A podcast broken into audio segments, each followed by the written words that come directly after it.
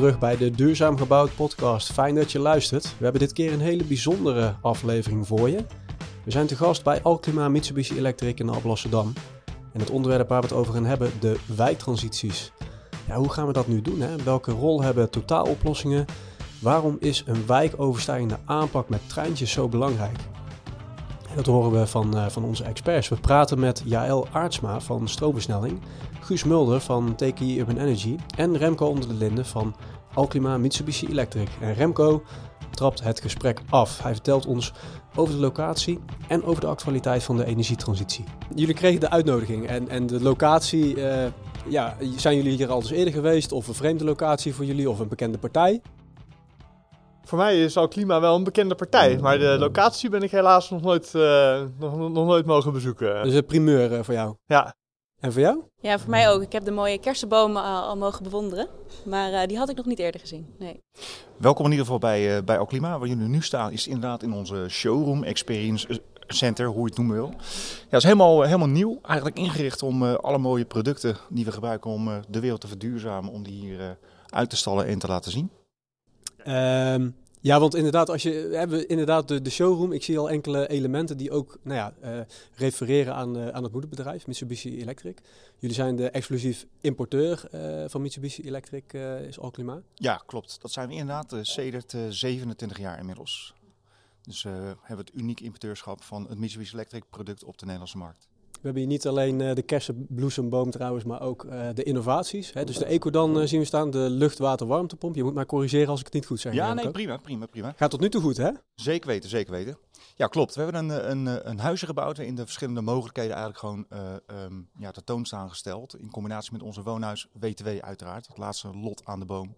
Waarmee we eigenlijk een, een woning compleet kunnen voorzien van een duurzame oplossing. Ja, wij zijn, uh, en we zien vandaag de oplossingen, en we zijn hier ook vandaag voor een hele belangrijke opgave: de wijktransities en de energietransitie in het, uh, in het algemeen. Um, ontzettend in de actualiteit natuurlijk. Uh, nou ja, in, op verjaardagen horen we verschillende verhalen over de oplopende energierekeningen en uh, nou ja, zaken doen met partijen uh, voor fossiele brandstoffen waar misschien geen zaken meer mee willen doen. Hoe beleven jullie het vanuit jullie specifieke expertise allemaal? Ja, wat ik wel heel interessant vind is, um, ik werk aan de wijkgerichte aanpak of gebiedsgerichte aanpak. En dat zijn eigenlijk langjarige processen. Als je begint, dan ben je na acht of tien jaar misschien klaar met een specifiek gebied waar je aan de slag gaat. Dus als je dan de vraag krijgt, hoe kan je op veel kortere termijn nou uh, in ieder geval significant in gas reduceren in dat gebied waar je eigenlijk veel meer jaren aan de slag wil gaan, is dan de vraag, hoe ga je eigenlijk interventies doen nu terwijl je eigenlijk bezig bent met dat langjarige proces. Dus uh, wij zijn ook echt bezig met verschillende ketenpartners, met gemeenten, met woningcorporaties, ook met, met aanbieders. Van wat kan je nou in dat proces eigenlijk nu al doen om de stappen eigenlijk versneld te gaan zetten? Dus welke acties kan je naar voren halen of welke acties kan je eigenlijk toevoegen aan dat langjarige proces? Ja, want op de korte termijn uh, wordt het lastig schakelen, maar op de lange termijn hebben we des te meer uh, te winnen, denk ik. Zeker weten, absoluut. Hoe, um, hoe, hoe, sta je daarin, Remco, met vanuit, uh, je bent de kennis- en opleidingscoördinator bij, bij Alklima. Ja. Jij ziet de zalen volstromen, die, die, die, ja, die zaten al een tijdje vol. Maar die nu, zaten al een poosje vol. Die, die, die, nu hangen ze met de benen buiten, zoals we dat dan in het zuiden zeggen. Zo'n beetje wel, ja. Zo'n beetje wel. Nee, de, de, de vraag naar trainingen uh, over de luchtwaterwarmtepomp is inderdaad explosief toegenomen. Uh, dat is wel een heel, heel tekenend iets. Uh, toen wij ongeveer twaalf jaar geleden begonnen met het Ekeran product, was het een relatief kleine productgroep. Nou, inmiddels is het al de grootste productgroep en dat laat ze ook een beetje zien in uh, de vraag naar trainingen. Je ziet nu ook het, het levendeel van de trainingen die we verzorgen gaat ook daadwerkelijk over een luchtwaterwarmtepomp.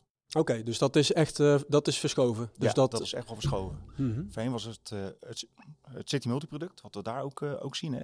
de grote units voor utiliteit en dergelijke. Dat is een VRF-systeem. Dat is een VRF-installatie. Kun je dat kort heel even toelichten voor de mensen die, die, die zich afvragen? Huh? Ja, dat kan ook wel. Een VRF-installatie, dat kom je typisch tegen in, in utiliteit. Denk aan een hotel bijvoorbeeld ook. En dat geeft je de mogelijkheid om met een centrale unit op het dak uh, alle vertrekken binnen, lees hotelkamers, allemaal individueel te kunnen gaan koelen, verwarmen of ventileren daar ook, uh, ook in. Dus uh, de grote panden, daar moet je dan echt aan denken. Nou, het was nu onze tweede grootste productgroep en dat was voorheen altijd de grootste. Dus eigenlijk een klein beetje van de troon afgestoten door luchtwaterwarmtepompen. Dus ja, we zien dan een hele duidelijke verschuiving daar ook, ook in. De, de opgave, kom ik even bij jou Guus. De ja. opgave die we voor ons zien hoe kijk je ernaar en hoe ben jij er zelf mee bezig? Ja, de opgave is, is, heel, is heel groot. Hè. We, we hebben gewoon een gebouwde omgeving. Als je naar buiten kijkt, alles wat je ziet is gebouwde omgeving. En in 2050 willen we dat allemaal duurzaam hebben. En daar moeten we met z'n allen de schouders onder zetten. Gedeeltelijk door de producten die er al zijn, hè, die we hier ook om ons heen zien, uh, uh, zoveel mogelijk toe te passen. Gedeeltelijk door te kijken van oké, waar zijn nog nieuwe oplossingen nodig. En ja, ik vind het heel fijn uh, om, om te horen dat, de, dat de klassen vol zitten om iedereen om te scholen van de oude techniek naar de nieuwe techniek. Dus denk ik een van de grote opgaves die we, waar we voor staan. Hè, die hele opgave van hoe zorgen we dat we voldoende handjes hebben om uiteindelijk al die gebouwen uh, energiezuinig uh, te maken. Ja, je zegt ook 2050 duurzaam. Als we hem dan even toch de definiëren. Hè, dus energie-neutraal en CO2-neutraal is, is de opgave voor, voor 2050. Ja, klimaatneutraal hebben we het uiteindelijk. Uh, klimaatneutraal. Maar dat gaat, uh, het gaat vooral om de, om de broeikasgassen, om die niet meer in de lucht uh, te krijgen. Maar daar is natuurlijk recent, of al iets, iets langer geleden, is daar de vraag van hey, dat aardgasvrij is eigenlijk een heel belangrijker geworden. Dat komt natuurlijk voort uit wat er in Groningen ook, ook gebeurt. En nou, het was altijd al wel een beetje geopolitiek ging naar boven, maar dat is met Oekraïne natuurlijk ook heel erg uh, urgent uh, en duidelijk geworden dat dat ook een reden is. Dus er zijn eigenlijk meerdere redenen die allemaal dezelfde kant uh, opwijzen. En dat helpt natuurlijk altijd mee als dat zo is. Hebben jullie niet het gevoel dat we in dat opzicht, ook met betrekking tot de actualiteit, we moeten nu, we moeten nu gaan inhalen, we moeten nu gaan inlopen, die achterstand. we liepen al achter en ja, hoe, hoe gaan we dat dan doen? Wat zijn dan de, ja, de versnellingen die we zoeken? En we hebben het over 1500 woningen per dag die we moeten uh, gaan renoveren als, uh, als je Jan Rotmans vraagt. Klopt, en dat hebben we voorheen dus in twee jaar gedaan zo'n beetje. Ja. Ja, dat geeft wel aan dat we echt stappen moeten maken natuurlijk ook. Hè. En om die stappen te maken, kijk, we zijn nu goed bezig met z'n allen. Laten we dat even vooropstellen. Alleen, ja, we moeten sneller. En ik denk dat het stuk snelheid, um, dat dat echt de innovatie is waarop we zitten te wachten. En we zien ook, dan hebben we echt een idee nodig met een smal draagvlak. Want als het een breed draagvlak heeft, dan is het niet innovatief genoeg.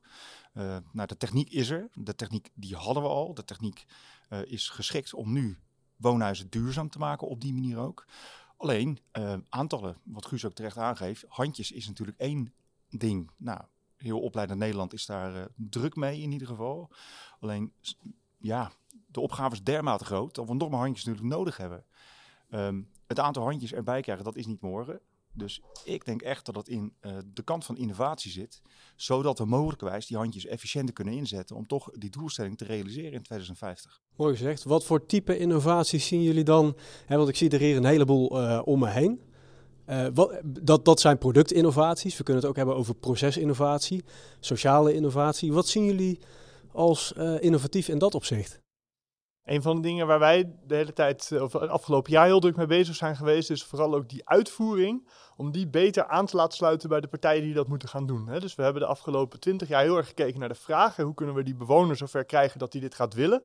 De gedragsverandering. De gedragsverandering, maar ook, ik moet investeren in mijn huis vanuit een situatie waarin nou, dat niet als bovenaan stond op je lijstje, moet dat nu wel bovenaan staan. Daar zijn we heel druk mee bezig geweest.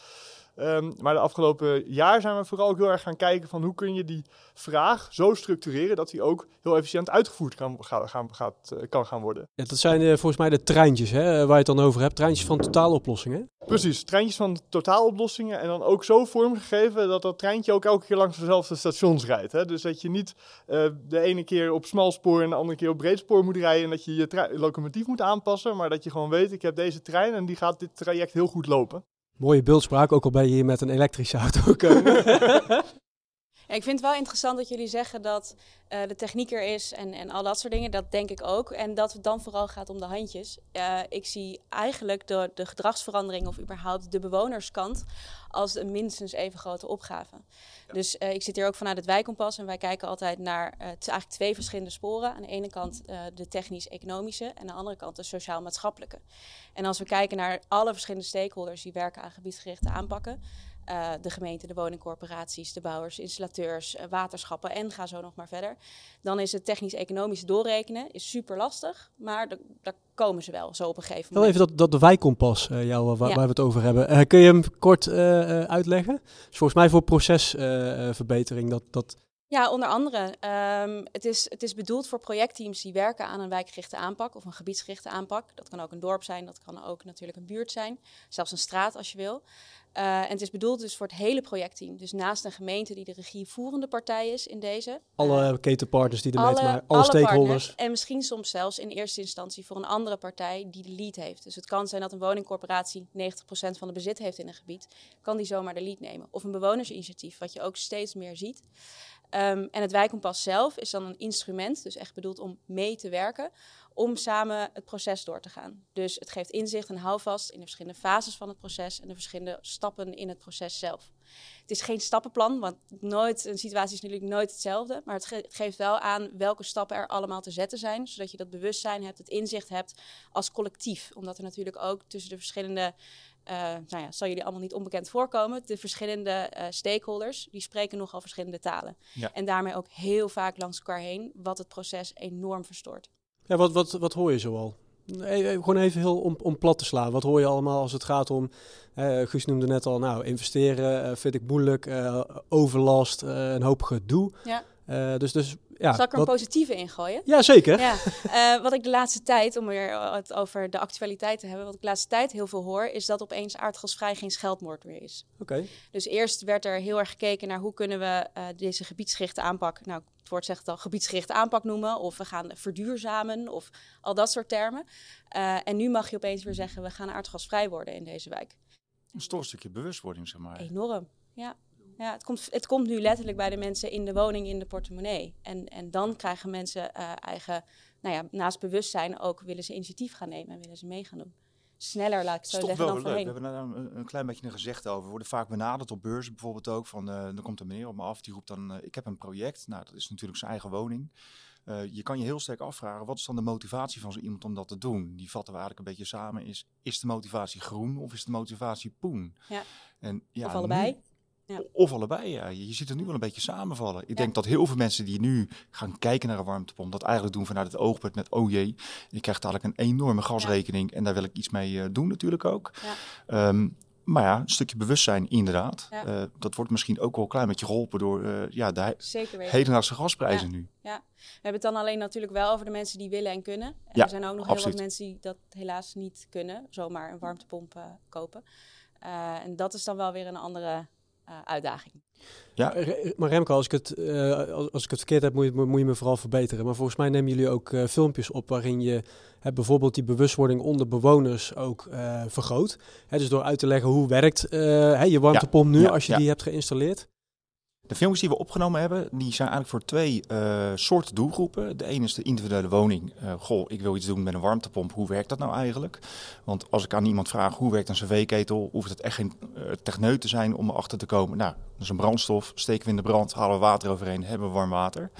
Alleen als je op een verjaardag bijvoorbeeld vraagt aan iemand hoe werkt een warmtepomp, ja, ja, dan is het een heel lastig pakket om dat uit te leggen. Dus puur die bewustwording van een warmtepomp doet echt wat die uh, zeg maar wat hij doet. Hè? Dus warmte uit de lucht halen tot een buitentemperatuur van min 25 aan toe. Dus je bent zeker als die goed is gedimensioneerd dat je woonhuis gewoon warm wordt. Alleen het is wel natuurlijk een hele omslag. Jullie halen wel eens het koelkastprincipe. Uh, het koelkastprincipe, dat, ja. Uh, werkt ja, altijd ja, goed, ja, hè? Op zo'n verjaardag bedoel ik dan. Leuk is ook op beurzen, kom je typisch naar cv-monteurs ook tegen. Die zeggen, joh, zo'n warmtepop, dat werkt toch helemaal niet. Dat is toch allemaal nieuwe techniek, de kinderziektes, die zijn Nu, nu nog steeds? Ja? Nog steeds, ja hoor. Zijn ja, die filmpjes dan ook voor die uh, monteurs? Die filmpjes zijn ook uh, voor de monteurs, ja. Want je ziet als een warmtepomp open staat, een binnentoestel, dan kijkt een cv-monteur ernaar. Zo, wat is die groot? Ja, hij is groter als een cv-ketel. Maar wat voor spullen zitten eigenlijk in? Die techniek is helemaal niet zo veel verschillend. Een, een, een, pomp is een pomp, een wisselaar is een wisselaar, zeg maar. Maar toch het geheel warmtepomp. Je ziet echt wel dat heel veel mensen daar toch wel een beetje naar kijken met, hmm, oké. Nieuwe techniek en werkt het allemaal wel? Nou, we weten gewoon dat het werkt. Mitsubishi Electric die maakt haar eerste warmtepomp in 1954. Dus ja, zo nieuw is die techniek niet. Nee, dus er zit gewoon een, een mindset. Ja, klopt. Het is, een ander, het is een ander apparaat. Guus, je zal het beamen. Je rijdt ook elektrisch, uh, begreep ik. Wat is de vraag die het meest krijgt? Is dat heel toevallig? Hoe ver kan je rijden? Nou, vooral kom je altijd aan op je locatie. Ja. Uh, ja. Nee, ja. Hier in ieder geval net, hè? Ja. Nou, nou, hier makkelijk. Ik had een klein stukje omgereden, waardoor ik misschien niet meer terug zou komen als hier niet. Uh, maar hier staan, uh, ik denk, tien palen hier en uh, op de andere parkeerterrein ook nog. Ja. En er waren er nog meer dan genoeg vrij. Hè. Dus als dit altijd de situatie is, dan, dan is er eigenlijk helemaal geen probleem. En ik ben Gisteren, nee, wanneer was het? Woensdag nog ben ik vanuit Amstelveen naar Sittard gereden. In mijn echt heel kleine elektrische auto met een klein accupakket. Ik heb daar rustig geladen en ik ben gewoon weer teruggereden. Ging hartstikke goed. Jij, jij wilde gewoon, het, het kan wel, dacht Precies, jij. Amsterdam Sittard, als je dat kan doen, dan kan je eigenlijk alles doen in Nederland, toch? Uh, Zeker weten. Ik merk het ook steeds meer als ik uh, installateurs bezoek. Um, bijna altijd is er een laadpaal aanwezig. Nou, bij Alklima hebben we de doelstelling op termijn naar 80% van de leaseauto's dat het elektrische auto's ook, uh, ook worden. Want wij geloven heftig natuurlijk in die rote all-electric. En dat laat zich ook vertalen in het wagenpark van Alklima. Wat ik wel interessant vind, is die combinatie van die uh, auto, die elektrische auto en die warmtepomp. En dat is natuurlijk wel een van de punten waar we nu zien dat er knelpunten komen. Hè? Als we met z'n allen een warmtepomp nemen en met z'n allen een elektrische auto voor de deur. Dan, en we doen alleen dat, dan gaan we problemen opleveren. En wat ik dus mooi vind is dat hè, netbeheerders ook de industrie vragen van... hé hey jongens, kijk hiernaar en creëer oplossingen. En dan zie je dat juist die warmtepomp wordt gezien als een van de punten... die heel goed aanstuurbaar is... waardoor je ook dat soort toekomstige problemen eigenlijk veel beter op kan lossen... En uh, nou, misschien zelfs uh, een business case kan maken voor de bewoner. Uh, waar zeker die, weten, en zeker weten. Prosumer kan worden. De warmtepompen die we nu hebben, die zijn al smart grid ready. Dus die zijn al te integreren daar ook, ook in. Um, ja, is goed dat je dat aanhaalt. Eigenlijk roep ik altijd het volgende. Iedereen uh, geeft weerstand als het om verandering ook aangaat. We horen ook best vaak als iedereen een warmtepomp in huis heeft, dan gaat de zekering van Nederland eruit. Dan haal ik altijd maar uh, iets naar voren wat we in 1960 hebben meegemaakt. De gasbel natuurlijk in, in, in Groningen. Ja, het was ook niet zo dat een dag later iedereen een gasaansluiting had. Dus we zitten echt in een transitie. En dat gaat gepaard met weerstand, maar zeker ook met een stuk innovatie. En daardoor komen we juist waar we moeten zijn. Dus we moeten niet denken in doemscenario's, inderdaad gewoon in, uh, in oplossingen. Wat ik net al zei over de auto, van hoe ver kan je rijden. Nou, ik ben er dus achter gekomen dat het totaal niet interessant is hoe ver je kan rijden met een elektrische auto. Het gaat om de laadsnelheid, dat is het allerbelangrijkste. En we zien ook, beginnen moesten best wel een beetje toppen waarschijnlijk ook. Van, heeft die klant een laadpaal? Is er onderweg een laadpaal? Nou, we zien ook de laadpalen, die schieten natuurlijk als paddenstoelen uit de grond. Dus dat probleem uh, wat iedereen heeft met elektrisch rijden, dat is geen probleem meer. En dat gaan we natuurlijk ook gewoon zien. Het, uh, het, energienet in Nederland, dat ligt er, is uitgelegd op een, uh, uh, een bepaalde toepassing. Maar wat zien we nou? We zijn het al zwaarder gaan belasten. Want iedereen die heeft een Playstation in huis, die heeft een koeker, die heeft een, noem maar op, wat voor elektrische apparaten we allemaal hebben. En we zien, een beetje gemiddeld woonhuis is drie keer 25 ampère. En dat is ruim voldoende natuurlijk om die warmtepomp ook op, op aan te kunnen sluiten. Dus dat is het probleem niet. De elektrische auto werkt ook als voordeel. Daarmee kunnen we natuurlijk ook gaan bufferen, zeg maar. Dat vragen, dat vragen een aanbod beter sturen. Want als ik vragen kijk een aanbod inderdaad beter sturen, ja. ja. Ja. want als ik kijk naar wat jij net aanhaalt, uh, ja, wat, je, wat je zegt over bewustwording. Ja, ik, ik neem aan dat het daar ook, een, dat het daar ook mee te maken heeft. Hè? Het feit dat op het moment dat ik uh, zonne-energie uh, opwek, dat het misschien een goed moment is. Op het moment dat ik even die energie wil opsparen voor vanavond. Ja, dat ik dat op dat moment in de elektrische auto, in, de, in de accu opsla. Of in het buffervat wat bij de warmtepomp al Pre zit. Hè? Precies. Dus, dus die mogelijkheden worden veel groter. En wat, waar ik wel een uitdaging zie, wil ik jou ook, eigenlijk ook vragen is... Het, dat komt allemaal af op die woningbezitter. Die nu gewoon de verwarming aanzet en dan gaat het gas stromen. merkt hij verder helemaal niks van. Voor de luisteraar, hij kijkt naar Aan het einde van de maand wel. Dus he, al die nieuwe technieken en mogelijkheden moeten we wel ergens achter die drempel verkocht krijgen. Van oké, dit is echt een goed idee en dit is een, een, verbetering en niet een verslechtering. Zie, zie je dat dat op korte termijn uh, uh, gaat, gaat werken of moet, moet daar nog heel veel water door de Rijn? Uh, goede vraag. Ja, dat is eigenlijk een dubbele vraag. Dus ik denk dat het enigszins, enige, uh, aan de ene kant heel erg te maken heeft met überhaupt ontzorging van een particuliere woningeigenaar individueel. En dan, dat, dat kan ook uh, niet gebiedsgericht. Dat kan gewoon per, per individu. Aan de andere kant speelt hetzelfde verhaal, maar dan op grotere schaal, bij een gebiedsgerichte aanpak. Um, wat ik zelf zie, en dat is eigenlijk het gesprek wat we net ook hebben, is dat we het eigenlijk over veel meer opgaven hebben dan alleen de energietransitie in, in je eigen woonhuis. Um, uh, en we hebben het eigenlijk ook over mobiliteitstransitie. Volgens mij hebben we het eigenlijk ook over klimaatadaptatie. Want uh, daar hebben we ook heel veel te doen. Uh, lees het afgelopen IPCC-rapport. en merken we hier elke week wel weer in Nederland. Um, en ik denk dat uh, als je dat soort dingen ook gaat combineren, waardoor je met slimme oplossingen komt, dat het veel logischer en, en beter past bij ook uh, wat de wensen en behoeften van bewoners in hun dagelijkse praktijk. Dan los je op dat hun kelder niet meer overstroomt uh, door tegelijkertijd in diezelfde straten die je open doet, omdat je daar een nieuw net wil leggen of zo, of de gasleiding eruit wil halen. en daar worden zij blij van. En dan, dan ga je tot stappen komen die bewoners ook echt blij maken. Wie is daarvoor uh, aan, aan zet, vind je?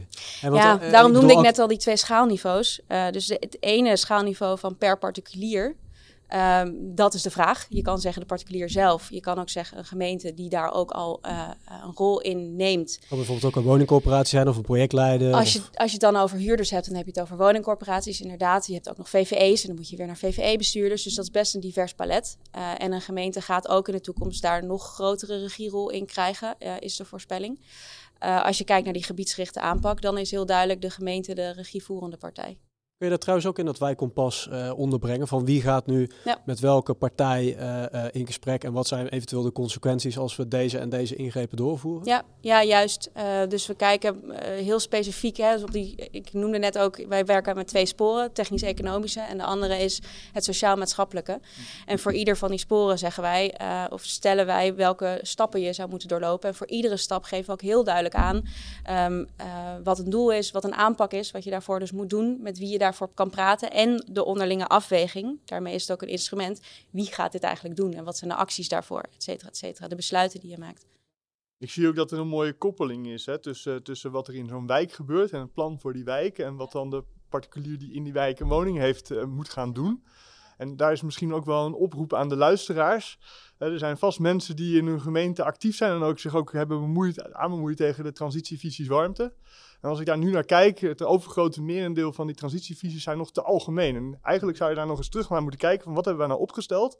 En geef dat nou handvatten voor de partijen die hier iets moeten. Dus aan de ene kant bewonerscorporaties en warmtebedrijven die iets met netwerken zouden moeten. Maar aan de andere kant ook de individuele particulieren in zo'n wijk. Geef dat plan nou voldoende handvatten, zodat die weet, oké, dit is wat mij te wachten staat. En op dat moment gaat mijn gas erover en uh, dan komt dit alternatief er wel of dit alternatief er niet. En dan weet ik wat ik moet doen.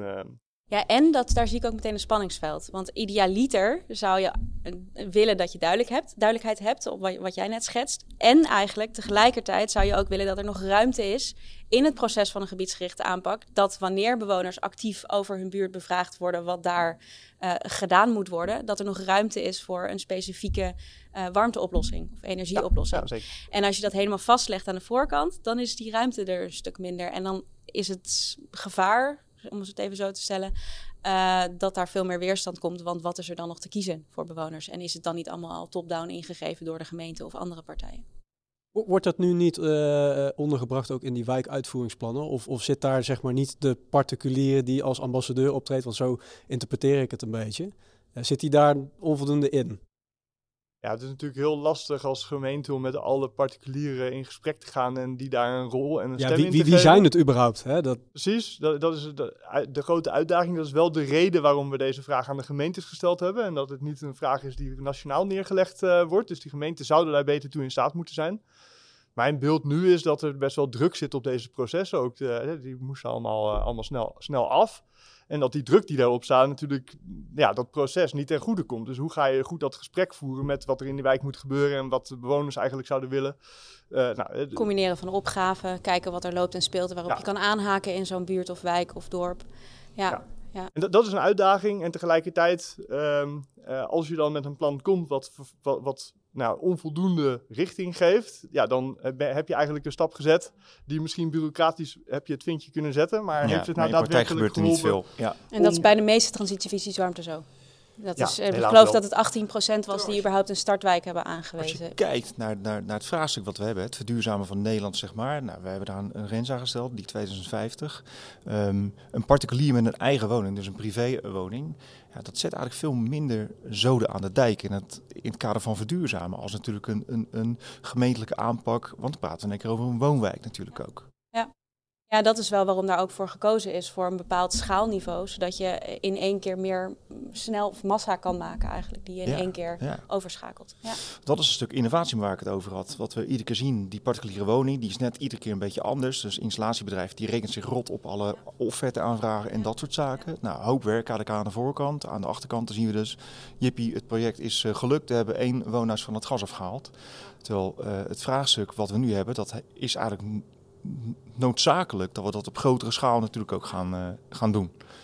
Dus wat ik eerder al aan refereerde van dat smalle draagvlak hebben we nodig, hè, die innovatie. Hoe gaan we dat nou eens een keer op een, eh, een efficiënte wijze uitvoeren? Inderdaad ook rekening houden met, met de, de vragen, voorwaarden, eisen van, van de bewoner van de woning. Die moeten we zeker niet uit het oog eh, verliezen. Ja, misschien ga ik er nog iets aan koppelen als we toch eh, breder aan het praten zijn. Ehm, wat mijzelf ook sterk opvalt in dit verhaal is dat de gemiddelde mens die werkt aan eh, dingen in de energietransitie, aan ook een wijkgerichte aanpak of gebiedsgerichte aanpak, dat het over het algemeen meestal mannen zijn en meestal witte mannen zijn. En als je dat is op zich aan zich is daar niks mis mee, maar als dat bijna alleen maar zo is en je werkt eigenlijk voor heel Nederland die ook vrouw is of uh, zich anders ident identificeert of van kleur is of een andere culturele achtergrond heeft, dan het aansluiten op bij wat leeft en wat speelt en wat nodig is, is dan echt wel een grote uitdaging. Dus als je het weer ook hebt over het sociaal-maatschappelijke spoor, als je met je technisch-economische oplossingen komt die heel goed passen en kloppen, maar niet aansluiten bij, daar zie ik ook wel echt, echt uitdagingen. Ja. En ik merk het zelf ook. Ik zit hier ook als enige vrouw. Um, dat gebeurt me heel vaak. Je bent gelukkig niet de enige vrouw binnen Oclimo hoor. Nou, dat scheelt, dat scheelt. Um, maar ja, en, en, en ik merk het dus ook aan der lijve. In die zin ook hoe je aangesproken wordt. Ik krijg regelmatig mails met beste heer Aartsma. Dat gebeurt me echt ontzettend vaak. Of ik word gezien, dat was tijdens de beurs ook, als uh, het hulpje dat de laptop kwam installeren. En dat is niet, dat bedoel ik hier helemaal niet om zielig te doen. Daar gaat het niet om. Het gaat er wel om welke stemmen zijn vertegenwoordigd hm in het maken ja. van deze transitie.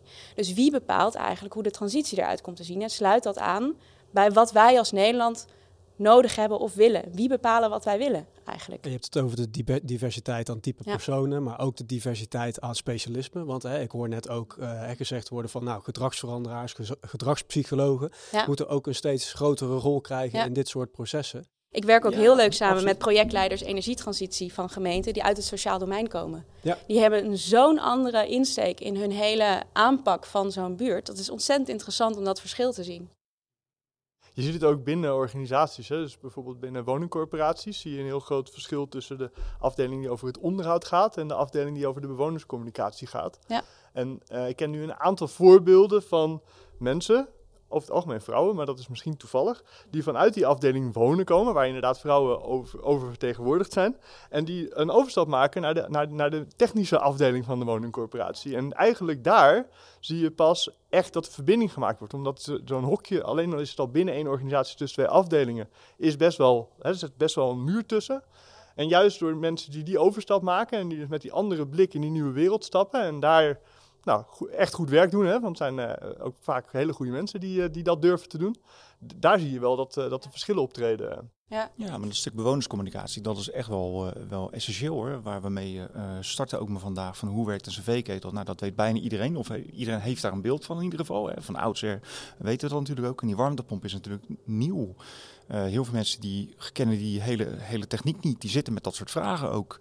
Um, ja, het is wel heel belangrijk om die ook op een goede manier natuurlijk uh, te beantwoorden. Jullie krijgen nu eigenlijk daar ook een nieuwe uitdaging in. Het, uh, een aantal weken geleden zijn we hier uh, ook aanwezig geweest voor de introductie van All Electric Ready. Ja. Dat is ook weer een nieuwe definitie, als ik het zo mag formuleren, ja. waarbij je, als ik hem, jij gaat hem zeker aanvullen, maar waar, waarbij je eigenlijk een volwaardige warmtepomp inzet voor nou ja, te koppelen eigenlijk aan de, aan de CV-installatie. En eigenlijk voorbereid bent op een all-electric toekomst. Ja. ja. Heel andere aanpak dan uh, ja, traditionele hybride, traditionele hybride installatie. Ja, dat hè, dus is daar heb je eigenlijk aanpak. ook weer dezelfde opgave van. Hè, daar ga je ook weer die definitie uh, vernieuwen. Ja, Maar hoe zie je dat dan? Nou, als we nu praten over een hybride installatie, het eerste wat mij dan eigenlijk opvalt, hybride, dat doet mij denken aan, dan heb ik twee verschillende soorten brandstoffen. Dat zie je ook. De term hybride kennen heel veel mensen, als we kijken naar het, eh, het wagenpark in Nederland natuurlijk ook. Hybride auto's, daar zijn we aan gewend. Veelal een deels elektrisch en een deel op een fossiele brandstof, 9 van de 10 keer benzine. Wordt gezien als een tussenoplossing eh, vaak. Dat wordt echt wel gezien als een tussenoplossing. We zien ook heel duidelijk dat Mercedes-Benz, Audi, Volkswagen, die hebben daar echt wel een hele duidelijke mening over. Die zeggen ook gewoon, wij stoppen met het maken van hybride auto's. Wij gaan over naar mono-energetische auto's en dan veelal elektrisch natuurlijk ook. Wat we nu eigenlijk zien, wat er heel, heel veel gebeurt, eh, we willen van het gas af uiteindelijk. En dat gaat ons niet lukken met hybride concepten. Met een hybride concept zien we eigenlijk dat de ketel nog het grootste gedeelte van eh, ehm, het jaar voor de warmte zorgt in de woning. En eigenlijk het warmtepompje, die te klein is om de woning helemaal te kunnen gaan verwarmen, ook als het buiten gewoon mooi weer is of beter weer is. Ja, dan zien we heel duidelijk, als we dat soort installaties gaan toepassen, blijf je altijd afhankelijk van het gas. Uh, Electric Ready, waar we eigenlijk heen gaan, dat is een oplossing waarbij we eigenlijk een woning gaan doorrekenen. Die woning uh, puur naar de capaciteit gaan bepalen van wat moet erin. En uh, in de toekomst, als die woning goed is geïsoleerd. Dus we doen net alsof die woning al op een top is geïsoleerd. Dan zie je in den beginnen, dan zal een ketel inderdaad ook nog heel nuttig zijn in die woning. Alleen dan heb je in het begin al direct een energiebesparing en een reductie van kosten op, op gas. En met de tijd kan die woning wat beter uh, geïsoleerd worden. Dus je kan zo'n project gefaseerd uitvoeren. En als we dat op die manier doen, met die insteek, dus de all-electric ready insteek, dan zie je dus door die woning die schil aan te gaan pakken, de woning op termijn helemaal van het gas af kan. En dat kan natuurlijk gewoon absoluut niet met een hybride oplossing, zoals dat nu eigenlijk in de markt bekend staat als dit is een hybride oplossing. Want kijk maar, stel er komt over, over vijf jaar, besluiten we collectief, we gaan versneld van het gas af. Dan heeft die bewoner, die heeft nu een flinke investering gedaan in een warmtepomp bovenop zijn uh, uh, naar cv-ketel, zeg maar. En dan zie je dus, dan moet die woning over vijf jaar weer verbouwd worden. Nou, dat kost natuurlijk weer geld. En boven alles, nou, verspillen we Materiaal, gewoon heel veel uh, materiaal. Hebben we het ook ja, over, hè? Ja, tuurlijk. Ik bedoel, Een vraag die ik daarover heb, hè? Uh, want we, dit is een van de concepten waar wij van denken van kijk, dat is wat we moeten gaan doen. Hè? Dus met het oog op de toekomst kijken wat je nu al in de woning kan doen en zorgen dat de volgende stappen logisch worden. Een van de knelpunten die wij daar wel in, in zien, is dat je aan de voorkant best een allround persoon nodig hebt die die inschatting voor die hele woning kan maken. Die moet iets kunnen zeggen over het installatietechnisch gedeelte, Ja. maar die moet ook een beetje snappen van oké, wat kan er eh, aan de renovatie en de isolatiekant en hoe ziet het er dan uit? Ehm, jullie hebben hier deze de Academy. Ik neem aan dat jullie daar ook aandacht aan besteden. Wij besteden er wel wat aandacht zijn aan. jullie ervaringen daarmee? Kunnen, kunnen de mensen die nu bij ons de cv-ketels komen hangen, kunnen die ten eerste omgeschoold worden om die hybride warmtepomp of die warmtepomp op te hangen? En kunnen ze vervolgens ook nog worden geleerd om die stap van oké, en wat is ook isolatietechnisch mogelijk eh? Nou, ik denk zeker dat een installateur die nu eh cv-ketels hangt, die kan echt wel omgeschoold worden. Eh, we zien het heel, heel vaak, dat we puur bezocht worden door mensen die ja, zich puur gaan bezighouden met cv-ketels. Maar die voelen toch wel een klein beetje, joh, die warmtepomp, dat gaat wel een dingetje worden. En ik ben eh 24 jaar, ik moet nog een poosje, dus ik wil heel graag die kennis van die warmtepomp heel graag maar tot mij nemen. Eh, in Nederland is het zo, in Europa is het gelukkig zo. Je hebt je F-gassen daarvoor nodig om daadwerkelijk eh, te kunnen gaan installeren daar ook in. En dan zie je, ehm, ja, die mannen zijn technisch bedreven, die kunnen een F-gas certificaat, eh, eh, nummer 1 of 2, die kunnen ze prima halen. Dat is een mogelijkheid. Vraagt inspanning uiteraard, maar ja, alles wat mooi is, dat vraagt een inspanning. Alleen om dan ook nog heel goed bij te brengen met, nou, dit is een muur, dus dat en dat is bouwjaar van de woning, dan zal waarschijnlijk de waarde RC zal dat zijn. Ehm, ja, ik weet niet of dat direct bij een monteur komt te liggen. Je ziet vaak wel, er zijn installatiebedrijven, een, nou, bijvoorbeeld een eenmanszaak. Ja, als je die woning wil verduurzamen op een goede manier, dan zou je er echt in moeten bekwamen. Maar je ziet ook eh, bij de wat grotere partijen, ehm, waarmee we zaken doen uiteraard, die hebben daar gewoon aparte teams voor. Eén team is goed in dit, ander team is goed in dat. En de monteur die kan het heel goed aan de muur hangen. En dat vormt een team. Maar die expertise die is natuurlijk wel noodzakelijk. Die is nog meer noodzakelijk als dat het vroeger was in de tijd van cv-ketels. Ja, als het dan niet warm werd binnen, ja, dan was er misschien wel een rekenfout ge- gemaakt. Maar dan konden we heel makkelijk wegpoetsen. Want gas, dat was niet zo heel duur. En dan zetten we gewoon een beetje hoger. Dat is met warmtepompen natuurlijk wel anders. Want die warmtepomp, de reden dat die erin is gegaan, is dat je energie wil besparen. En dat houdt dus ook in dat je de installatie op een goede manier moet neerzetten, zodat hij zijn hoogste rendement kan behalen. Ehm, ja, dat vraagt wat, eh, wat educatie inderdaad. Dus ja, nieuwe, nieuwe competenties uh, zien we dan eigenlijk, hè, die je daar. En andere manieren van organiseren, hè? want je hebt dus uh, inderdaad in verschillende onderdelen binnen verschillende mensen heb je eigenlijk de expertise die gezamenlijk de goede oplossing gaat krijgen. En hoe organiseer je als verduurzamingsbedrijven, noem ik het maar even, ik noem het ook bewust geen aannemer meer, je gaat een verduurzamingsbedrijf neerzetten en hoe ga je zorgen dat die expertise op het juiste moment uh, bij elkaar gebracht wordt. Ja, of nog anders, dat die bij de bewoner komt, zodat die juiste bedrijven aan kan haken uh, om de eigen woning te verduurzamen. Ja, dat die daar een van totaal woningplan heeft en weet waar wat wanneer uit te vragen. En ook op termijn, dat niet alles in één keer moet per se. Maar wie gaat hem dat woningplan geven? Ja, er zijn nu heel veel partijen voor die dat aan als start-up of als scale-up al, die dat aan het doen zijn. Ja, vaak ook in combinatie met, uh, met de gemeente. Hè? De uitdaging daar is ook weer die verbinding. Hè? Dus de verbinding tussen degene die het integrale advies geeft en de partijen die het dan aan de achterkant gaan, uit, uh, gaan uitvoeren. En je hoopt natuurlijk op een gegeven moment dat nou, de partijen aan de achterkant, dat, is, dat je zo met ketenintegratie krijgt. Dus dat de uitvoerende partijen die competenties erbij krijgen. Ja. En andersom. Uh, maar inderdaad, dat is een andere manier om dit, uh, om dit te regelen. Maar ook dan zien we dat door dat integrale advies, om dat goed uit te kunnen voeren, moet je ook aan de achterkant echt een bedrijf hebben die ook dat die, integrale uitvoering snapt en dat eh, goed kan, eh, kan organiseren. Ja, want vaak, nou, we zien heel vaak dat het niet niet één bedrijf is. De bedrijven die nu warmtepompen installeren en dat uh, nou, misschien al twaalf jaar doen, hè, als we praten over een luchtwater-warmtepomp, die zijn heel bedreven in hun vak het plaatsen van een warmtepomp. En of dat dan een lucht-luchtinstallatie is of een luchtwaterinstallatie of een, een, combinatie van beide.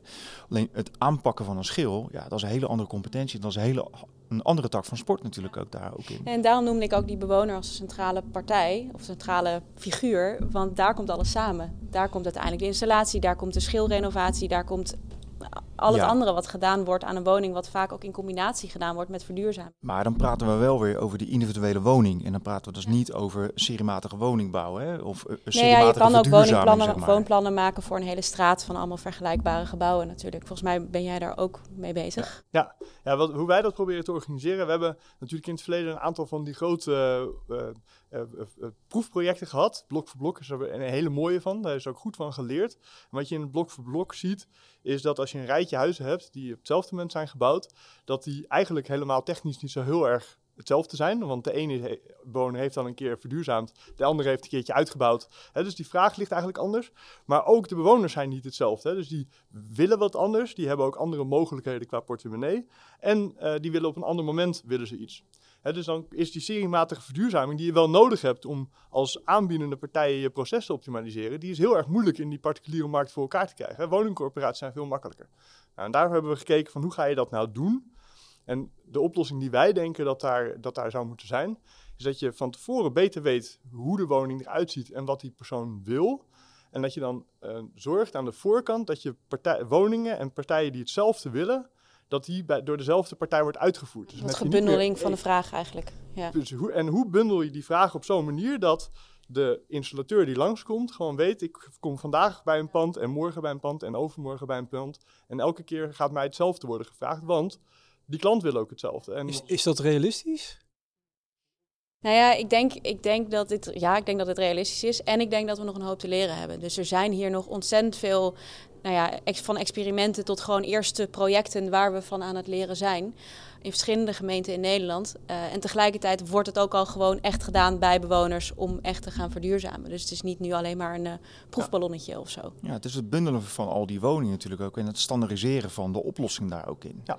Dat maakt dat het efficiënter is. Guutje gaf ook al aan, ja, die, die, uh, ik noem wat, een sociale huurwoning. Daar is vaak helemaal niets aan, aan, aan extra geïsoleerd of wat dan ook. Ja, dan heb je een standaard oplossing. Uh, voor een x aantal woningen natuurlijk ook erin. Daar kan je wel de kortste klap mee maken. Of in één keer de klap met het grootste rendement, zeg maar. Um, maar die individuele woningen waar jij over spreekt, uh, uh, rijtjeswoningen, hoekwoningen, die zullen net weer anders zijn. De een heeft een uitbouw, de andere niet. Ja, als we dat allemaal kunnen onderbrengen in een kaartenbak, dan kunnen we voor ieder soortige woning, zou je daarvoor een oplossing kunnen gaan verzinnen. En dan kan een bewoner, die kan gaan verduurzamen wanneer het hem of haar uitkomt natuurlijk. En daar komt, er zijn ook uh, eigenlijk twee oplossingsrichtingen om dat te weten. Want je moet heel veel weten van die woningen. Dus de enige mogelijkheid is om ervoor te zorgen dat we van alle woningen in Nederland heel veel meer weten. En dat we die data op slimme manieren ontsluiten. We zijn nu ook aan het kijken of we bijvoorbeeld uh, de data van uh, Google, hè, die heeft mooi van alle woningen een foto met de Google Street View. Kan je die de informatie die daarin zit wat, die, wat, die, wat eigenlijk de gevel zegt over een woning gebruiken om uiteindelijk meer over die woning te weten, zodat je een grotere kans hebt dat die woning inderdaad lijkt op een andere. Dat is één mogelijkheid. Toen mijn Wel zonnepanelen lastig. werden geïnstalleerd, werd ook Google gewoon nou, uh, volop toegepast om te kijken hoeveel zonnepanelen. Maar nu wil je het niet alleen van jouw woning weten, maar wil je het van alle woningen in Nederland in principe weten. Er zit een hele grote data-opgave op en die dus is niet, vandaag, uh, niet vandaag geregeld. Ja, er maar is, in chill is er ergens een, een bouwaanvraag verleend. Dus je zou zeggen van de meest recentere woningen, daar is een EPC-waarde natuurlijk van bekend. Ja. Nou, we gaan nu de Bang uiteraard. Uh, daar weten we al heel van. Alleen de woningen die we nu aan het bouwen zijn, dat zijn er uh, voor dit jaar moeten dat er 70.000 worden. Uh, dat is hartstikke mooi. Een, no-brainer is dan een warmtepomp, in wat voor vorm dan ook uiteraard. Die is nou, per definitie al gasloos. Alleen als je kijkt in Nederland, 48% van de woningen in Nederland heeft een energielabel. en ongeveer um, um, 70.000, sorry, ik haal het even door, 1,7 miljoen heeft een A-label daarvan grofweg. 48% heeft een, uh, überhaupt een label. Nou, als we die A-labels 48% gaan verdubbelen, dan kom je tot die 100% wat dan eventueel een label zou hebben. Hè. Ja, dat zijn er 1,7 miljoen. En die zijn per definitie vrijwel één op één gewoon all-electric te maken. Die zijn, Met een minimale aanpassing zijn die nu al geschikt. Ja. En die woningen, die weten we. Die, wel inderdaad. ja. Dan is nog wel even de vraag of de informatie die in het energielabel beschikbaar is, of die voldoende is voor de installateur om al te zeggen van dan weet ik met welke warmtepomp ik waar uh, terecht kan. Uh, dus daar kan jij misschien beter antwoord op geven of dat, uh, of dat voldoende zo nou, is. Als, als, een woning een A-label heeft, dat kan natuurlijk een kleine woning zijn. Dat kan, dat, dat kan een wat grotere woning zijn. Maar ook de samenstelling van die woning is natuurlijk ook wel... Of het, het gezin wat erin woont, het, het, gebruik, dat is heel, heel verschillend. Heb je twee kinderen of heb je vijf kinderen? Of woont open oma thuis? Uh, je, je, weet het niet. Dus je ziet wel... Uh, een A-label geeft alleen maar aan dat die woning in principe geschikt is om van het gas af te gaan. Alleen de installatie die daar per definitie gewend is, ja, dat is niet één oplossing mogelijkerwijs. Je ziet daar ook toch die gedragscomponent die ook weer zo belangrijk ja, is. Absoluut, en wordt, absoluut. Wordt, de zolder waar de ketel hangt, wordt die ook gebruikt als woonruimte? Of is het een zolder? Is daar de ruimte om daar een onbenoemde uh, ruimte, ja, nee. met alles? Hè? Dus dat, dat zijn eigenlijk de vragen die je wilt toevoegen aan de informatie die we nu al hebben van die woningen. Om veel beter vooraf te kunnen zeggen van op deze woning past inderdaad diezelfde oplossing als op die andere woning. Maar dat is één, één manier. De andere manier zit toch rondom die woningplannen. Hè? Dus in zo'n woningplan dan komt er vanuit een partij een adviseur langs die kijkt in te gaan naar de woning en die gaat kijken van oké, wat wil degene die daar woont en wat zou het plan kunnen zijn voor deze woning. En dat zou natuurlijk ook een manier zijn. Hè? Dat zou een, er zijn een aantal partijen die dat nu doen. Je hebt het regionaal energieloket die dat voor gemeentes probeert te organiseren. Er zijn een aantal andere partijen die, dat, eh, die, dat, die daar steeds beter in worden. En wat wij aan, nu aan het proberen zijn, is om te kijken met die partijen. Van kan je nou op het moment dat je die woningen ziet en je ziet dat je woningen hebt die hetzelfde zijn, kan je ook proberen aan de achterkant te zorgen dat die door dezelfde partijen op dezelfde manier elke keer uitgevoerd kunnen worden. Met dus dezelfde oplossing daar ook in. Met dezelfde oplossing. Ja. En dat is een, ook, ook een manier om die bundeling plaats uh, te laten vinden. Een procesinnovatie eigenlijk. Dat, ja, ja, die bundeling is heel erg belangrijk voor de voortgang of de snelheid uit van de transitie ook, die dan uh, gewenst is. En dan kan je als, je, als je, als je die bundeling voor elkaar zou kunnen krijgen, ook in de moeilijke markt zoals de particuliere branche, dan kan je als uitvoerder, maar ook als uh, toeleverancier daaraan, kan je veel specifieker voor specifieke problemen een, een, een, team bouwen die dat heel efficiënt kan oplossen. Dan kan je dus hè, materialen verminderen, je kan de arbeid verminderen en dan gaan ook de kosten omlaag uiteindelijk. En ik hoop dan ook dat niet alleen de kosten voor de eindgebruiker omhoog, omlaag gaan, maar ook dat de marges die de partijen die dit doen, wat omhoog kunnen. Want dan wordt de branche weer interessanter. En volgens mij krijgen we dan een vliegwiel op, aan de gang dat uh, nou, we voldoende capaciteit krijgen om die energietransitie ook echt vorm te geven. Je niet meer een jaar hoeft te wachten op je warmtepomp als je die wil. Precies dat is nu wel het geval namelijk, toch? Of uh, valt het uh, nog mee bij jullie? Nee, dat valt er heel erg goed mee. Dat, is, uh, dat valt heel erg goed mee, gelukkig. we zien het al heel dicht met produceren bij de lokale markt. Dus ook in het kader van duurzaamheid is dat natuurlijk ook wel heel, heel prettig. dat zorgt ervoor dat we gewoon een, een goede voorraad hebben. Ja, en jullie, de installateurs, die hebben ook voldoende handjes om ze dan ook te plaatsen bij de uh, de installateurs hebben voldoende handjes, maar die zijn altijd nog wel op zoek naar extra handjes. Want ja, we komen nog wat handjes, handjes tekort in ieder geval daar wordt het misschien de opgave dat we niet allemaal in hetzelfde vaarwater gaan zitten en elkaar uh, ja, daar een beetje in, de in, de weg. Uh, dat vind ik wel een mooie, want wat je nu natuurlijk ziet is dat een, een, een, een particulier die gaat op zoek naar een oplossing. En die gaat niet alleen uh, bij Alklima vragen van is dat een goede oplossing, maar die gaat het ook nog bij vier, vijf, zes anderen doen. En iedereen die komt met een ander verhaal. En iedereen die komt bij die, bij die, bij die klant over de vloer. Daar gaat natuurlijk heel veel tijd en energie verloren.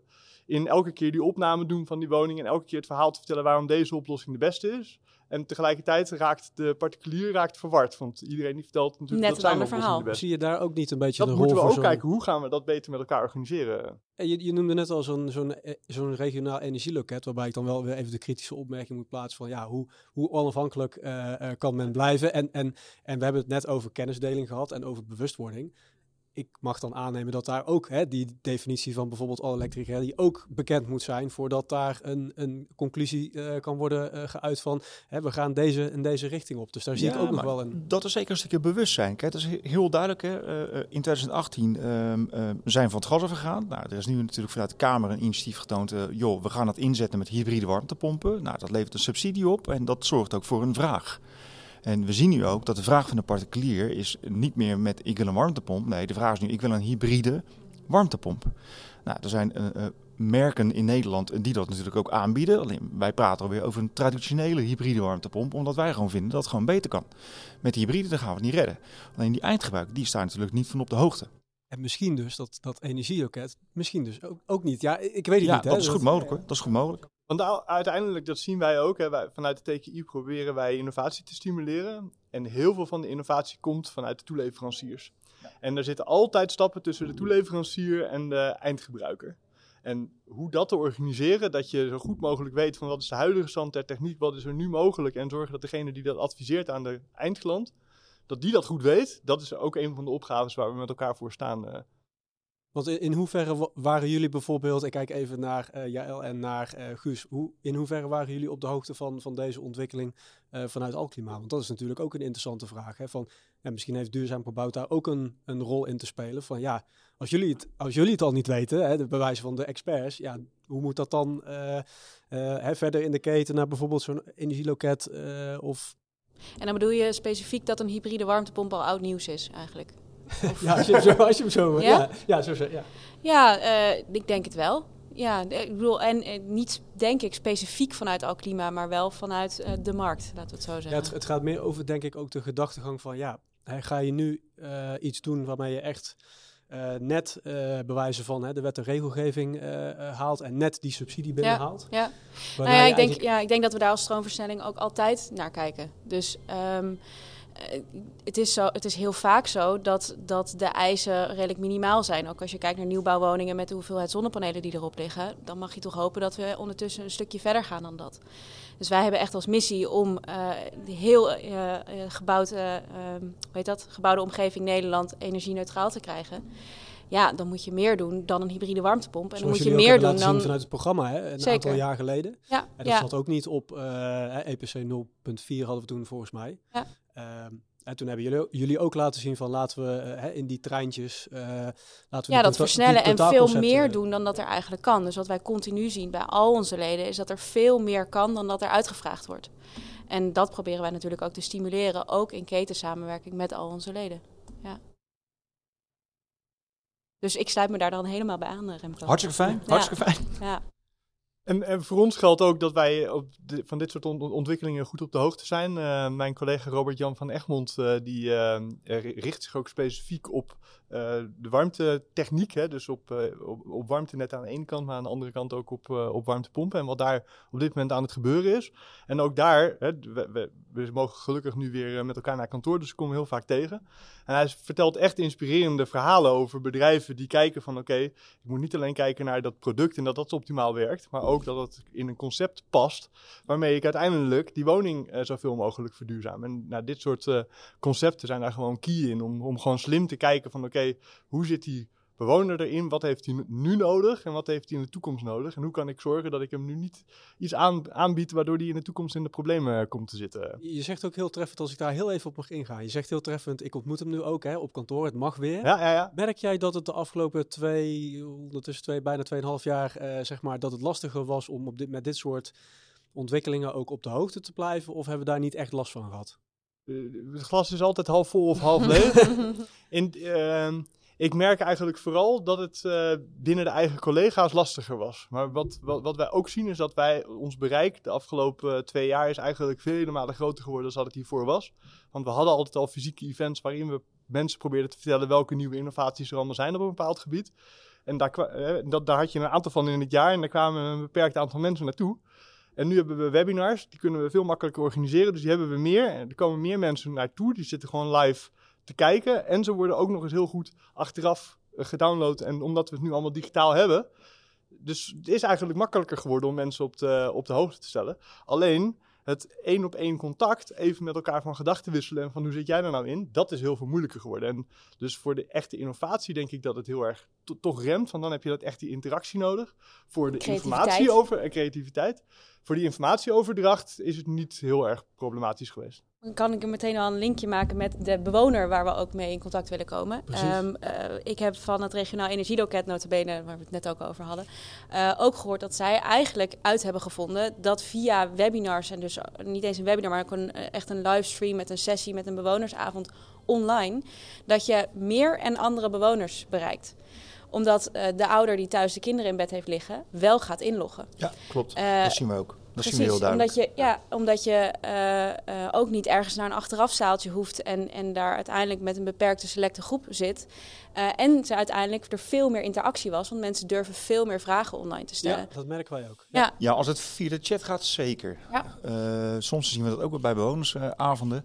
Um, ja, als je een zaaltje vol hebt, dan is het altijd even kijken van wie stelt welke vraag nou wie eigenlijk. Durft er als eerste op te staan wie durft er als eerste op te staan? Ja. Want is het misschien een stomme vraag die ik stel? Nou, die ja die bestaan niet. Ja. en je komt snel ook in een tunnel terecht van één type vraag en één type gesprek. Ja, klopt. En we zien wel die webinars ook, wat Guus ook terecht aangeeft. Uh, uh, wij zijn ook overgegaan van fysieke training naar webinars natuurlijk ook. Ja. En naar, uh, um, naar trainingen in een teamsomgeving. En we zien ook die webinars, die worden ontzettend goed bezocht. En ja. naar terecht opmerken van Guus ook. Wat we zien, de mensen die het live kijken, dat is een groot aantal. Maar misschien nog wel een groot aantal wat dan daarna kijkt in de eigen tijd. Want je kan het terugkijken, je bent specifiek op zoek belangrijk is wel dat je aan de voorkant van je webinar heel goed aangeeft waar het webinar over gaat.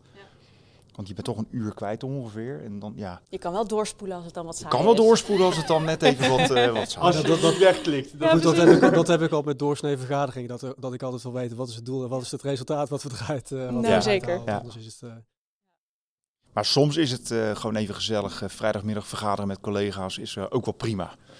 ik, ik, denk ook als je kijkt naar die, naar die bewonersreis, hè, dan is, zo, is zo'n zo'n buurtavond is, is een van de stappen daarin waarvoor dit eigenlijk heel goed helpt. Maar ik denk voor die uiteindelijke aankoop, daar wil je toch even iemand de ogen, in de ogen kijken, even gevoel hebben bij de persoon. Uh, en dat vergeten sommige bedrijven trouwens ook nog wel eens. Hè. Dan sturen ze de technicus op uh, bezoek om het product te verkopen. En die kan dan heel goed vertellen hoeveel kilowatt die gebruikt en dat soort dingen. En de bewoner weet nog net wat een kilowatt is, zeg maar. Precies. Dat, uh, volgens mij, ja. soms is het beter om gewoon, uh, gewoon een heel aardig en vertrouwenwekkend persoon te hebben die gewoon een goed verhaal kan vertellen. Uh, als, als, als te zorgen dat je, dat je probeert die bewoner tot in de laatste details te laten weten hoe het product precies werkt. Waarbij ja. het denk ik ook verschilt per bewoner. Zeker wel, ja, ja, zeker wel. ik, ik, roep altijd, een service technicus is de beste verkoper die er is. Als jij thuis een ketel hebt, een, stel een ketel, daar praten we over, over warmtepompen, die zijn nog lang niet versleten natuurlijk. Ja. Je ketel is versleten, dan vraagt de bewoner heel vaak, welke zou jij zelf nemen? Welke heb jij nou thuis hangen? Kijk, en dat stuk, ja, dat, dat is dan toch ook wel weer uh, uh, prettig in ieder geval. In plaats van die geslepen verkoper die daar een prachtig mooi verkoopverhaal ja, kan houden. Ja, ik vind het een hele mooie toevoeging inderdaad. Uh, en, en ook diegene die dat onderhoud doet. Ik ga er even vanuit dat je dat alleen maar vraagt op het moment dat je een beetje tevreden bent over hoe die dat gedaan heeft. Hè. Dus je hebt ja. al een stukje bewijs van oké, okay, dit is iemand die vertrouwt het, iemand. vertrouwt iemand en die met de goede hart op de goede plek doet. En dan stel je die vraag en dan is dat inderdaad precies de persoon die je eigenlijk wil hebben van uh, kijk, u zou eigenlijk dit en dit moeten hebben. Dus moet je moet er ook voor zorgen dat, dat All Electric Ready dat het ook bekend is bij die persoon. Nou ja, dan gaat daar hybride warmte Daar zit wel een zorg van mij. Dus ik heb ding, vorig jaar uh, heel veel bewonersinterviews gehouden op specifiek hierover van verduurzaming van de eigen woning als particulier. En ik kreeg echt meermaals, ik denk wel bij de helft van de interviews te horen dat hun eigen monteur zeer recent, tot een jaar daarvoor, nog heeft betoogd: nee, van het gas af dat gaat nooit gebeuren was wel voordat de oorlog in Oekraïne begon. Dus ik weet niet of daar nu iets in veranderd is. Maar dat, dat is super recent nog steeds wel. Vanuit een, hè, een partij die je vertrouwt. Waarvan je denkt dat is een expert. Die komt bij je thuis. Die is er al vaker geweest. Die zegt dat. Dat geloof je als bewoner. Het die er verder een niet. enorme impact hebben. Hè? Als je zo'n gesprek uh, voert. En uh, zeker als dat in een zaal uh, gebeurt. Ja, dan heb je meteen een heleboel. Ja. Ja, dan ga je niet daarna nog googlen. Hoe krijg ik mijn uh, electric warmtepomp in mijn huis. Nee, dus daar ligt ook eigenlijk een gezamenlijke verantwoordelijkheid dat we die kennis uh, goed over de bühne brengen. Ja. Um, Ja, ik, wil, ik wilde eigenlijk uh, een beetje een flauwe opmerking inderdaad. De elektrische auto is volgeladen. maar, die, die was denk ik volgens mij al een half, een half uur geleden. Uh, zat hij genoeg, uh, heeft hij genoeg om weer verder te kunnen. nee, wij, ik denk dat, wij, dat wij gaan afsluiten. Mooie inzichten vandaag. Uh, misschien uh, nog wel even leuk om een rondvraag uh, te doen. Even de, de conclusie of de gedachte waar je nu de grootste versnelling ziet op de kortste termijn. Want we hebben het over de korte en over de lange termijn gehad. We hebben het over inzicht gehad, datastromen, treintjes die we moeten gaan maken. We hebben nieuwe definities gehoord hè, met betrekking tot nou, hybride, all-electric ready. we hebben het over bewustzijn.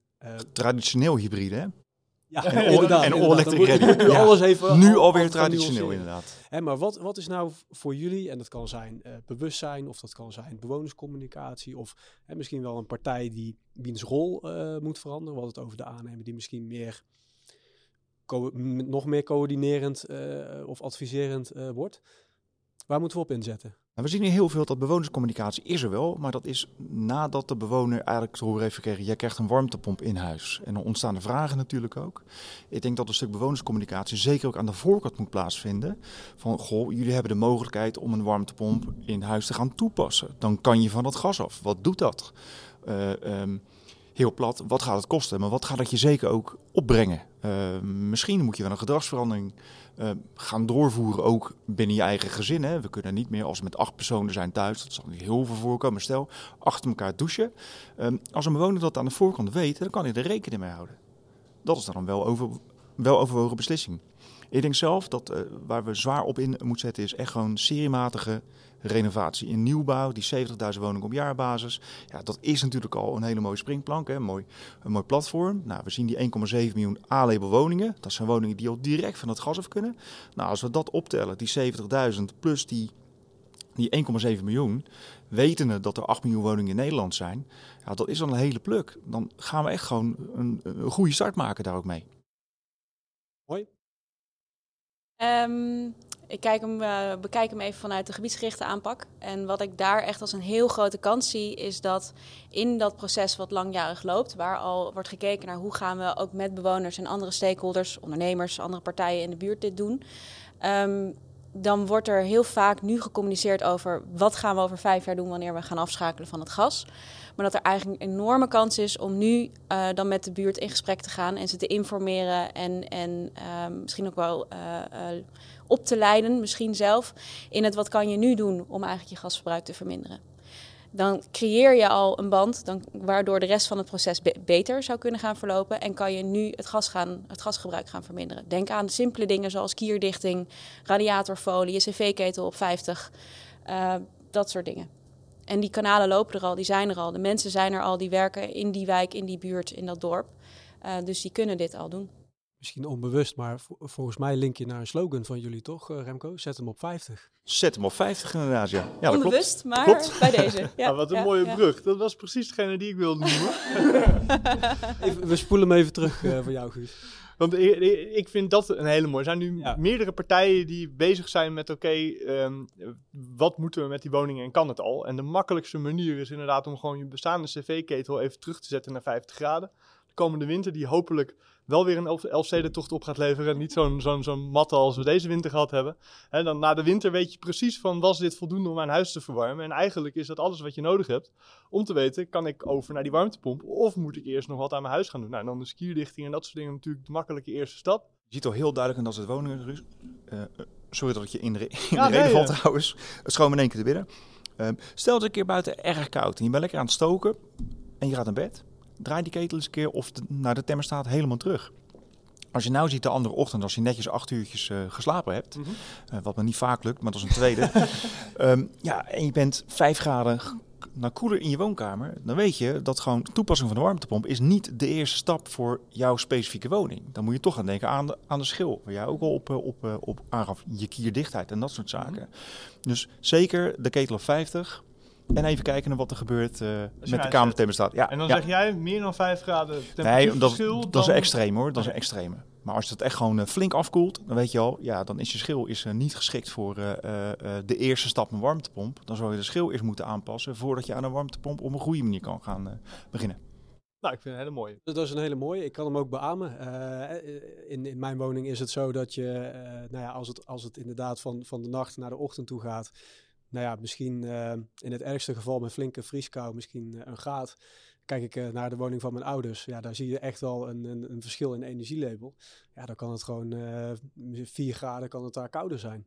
Ja. Um, en wat ik nog wel een hele mooie vind, is dat ik ook uh, probeer, uh, ook al is ze daar nog wat, wat, wat, jong voor, maar ook bijvoorbeeld mijn dochtertje daarin mee te nemen. Hè, van uh, ja, hoe ga je nou verduurzamen? Waarom is het belangrijk?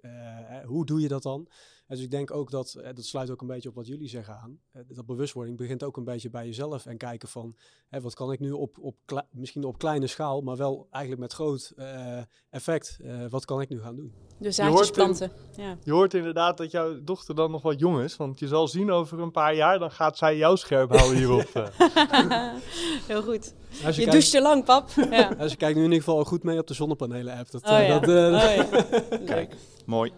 Ik wil jullie ontzettend bedanken voor jullie uh, tijd en energie. We waren vandaag, uh, ook speciale dank eigenlijk uh, aan Remco en aan zijn team. We waren vandaag live in gesprek bij Alklima Mitsubishi Electric in Alblasserdam. we zijn allemaal weer opgeladen, ook de elektrische auto is opgeladen. Wij gaan nog even borrelen en van de mooie showroom genieten met innovaties en ja, de kersenbloesemboom en de tori wilde ik nog even toevoegen. Dat is, uh, als ik het goed zeg, de traditionele poort naar het Shinto heiligdom. Nou wil ik, nou wil ik, hè, nou wil ik het niet. Ja, nou wil ik dat niet. het Shinto heiligdom. Ja, misschien is dat hier wel de innovatie in de producten die je hier ziet. Het leidt naar de ecodom, dus je zou bijna zeggen wel.